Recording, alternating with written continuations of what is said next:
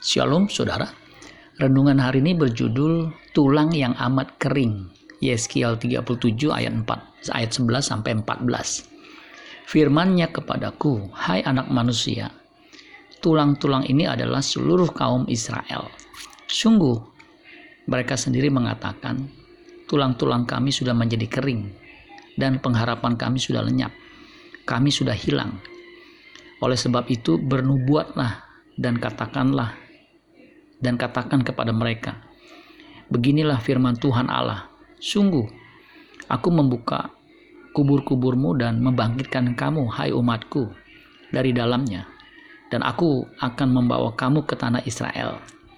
Dan kamu akan mengetahui bahwa akulah Tuhan pada saat aku membuka kubur-kuburmu dan membangkitkan kamu, hai umatku, dari dalamnya. Aku akan memberikan rohku ke dalammu sehingga kamu hidup kembali. Dan aku akan membiarkan kamu tinggal di tanahmu. Dan kamu akan mengetahui bahwa aku, Tuhan yang mengatakannya, dan membuatnya demikianlah firman Tuhan. Yeskiel sang nabi mendapat penglihatan ketika ia sedang berdoa. Ia menerima penglihatan itu waktu ia ada di negeri Babel, di tengah-tengah kaum buangan yang patah semangat dalam penglihatan itu, ia ditempatkan di tengah-tengah lembah yang penuh dengan tulang belulang. Ia berjalan di antara tulang-tulang yang amat banyak dan sudah sangat kering saking lamanya terkena panas matahari. Suatu keadaan yang sangat menyedihkan, kondisi yang helpless, tidak berdaya atau tidak bisa ditolong lagi, dan incurable, tidak dapat disembuhkan secara medical science, ilmu pengetahuan medis, mustahil tulang belulang yang sudah amat kering untuk dipulihkan, di recover. Itulah gambaran keadaan bangsa Israel yang ada di pembuangan di Babel. Tulang yang kering menggambarkan harapan yang sudah hilang, lost hope. Bagi Allah tidak ada yang mustahil, hanya Allah yang dapat menciptakan dari yang tidak ada menjadi ada creatio ex nihilo.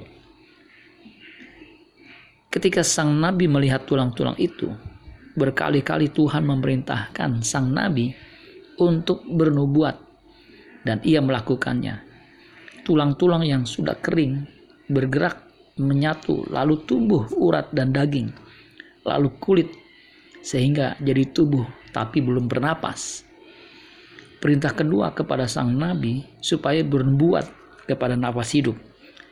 Nafas hidup datang dan masuk ke dalam tubuh itu, lalu mereka hidup lagi. Mereka menjadi suatu tentara yang sangat besar. Tulang yang sangat kering menjadi tentara yang luar biasa yang siap diajak berperang.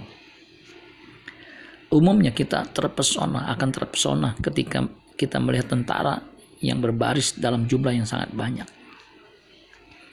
Firman dan doa yang memungkinkan semuanya itu terjadi.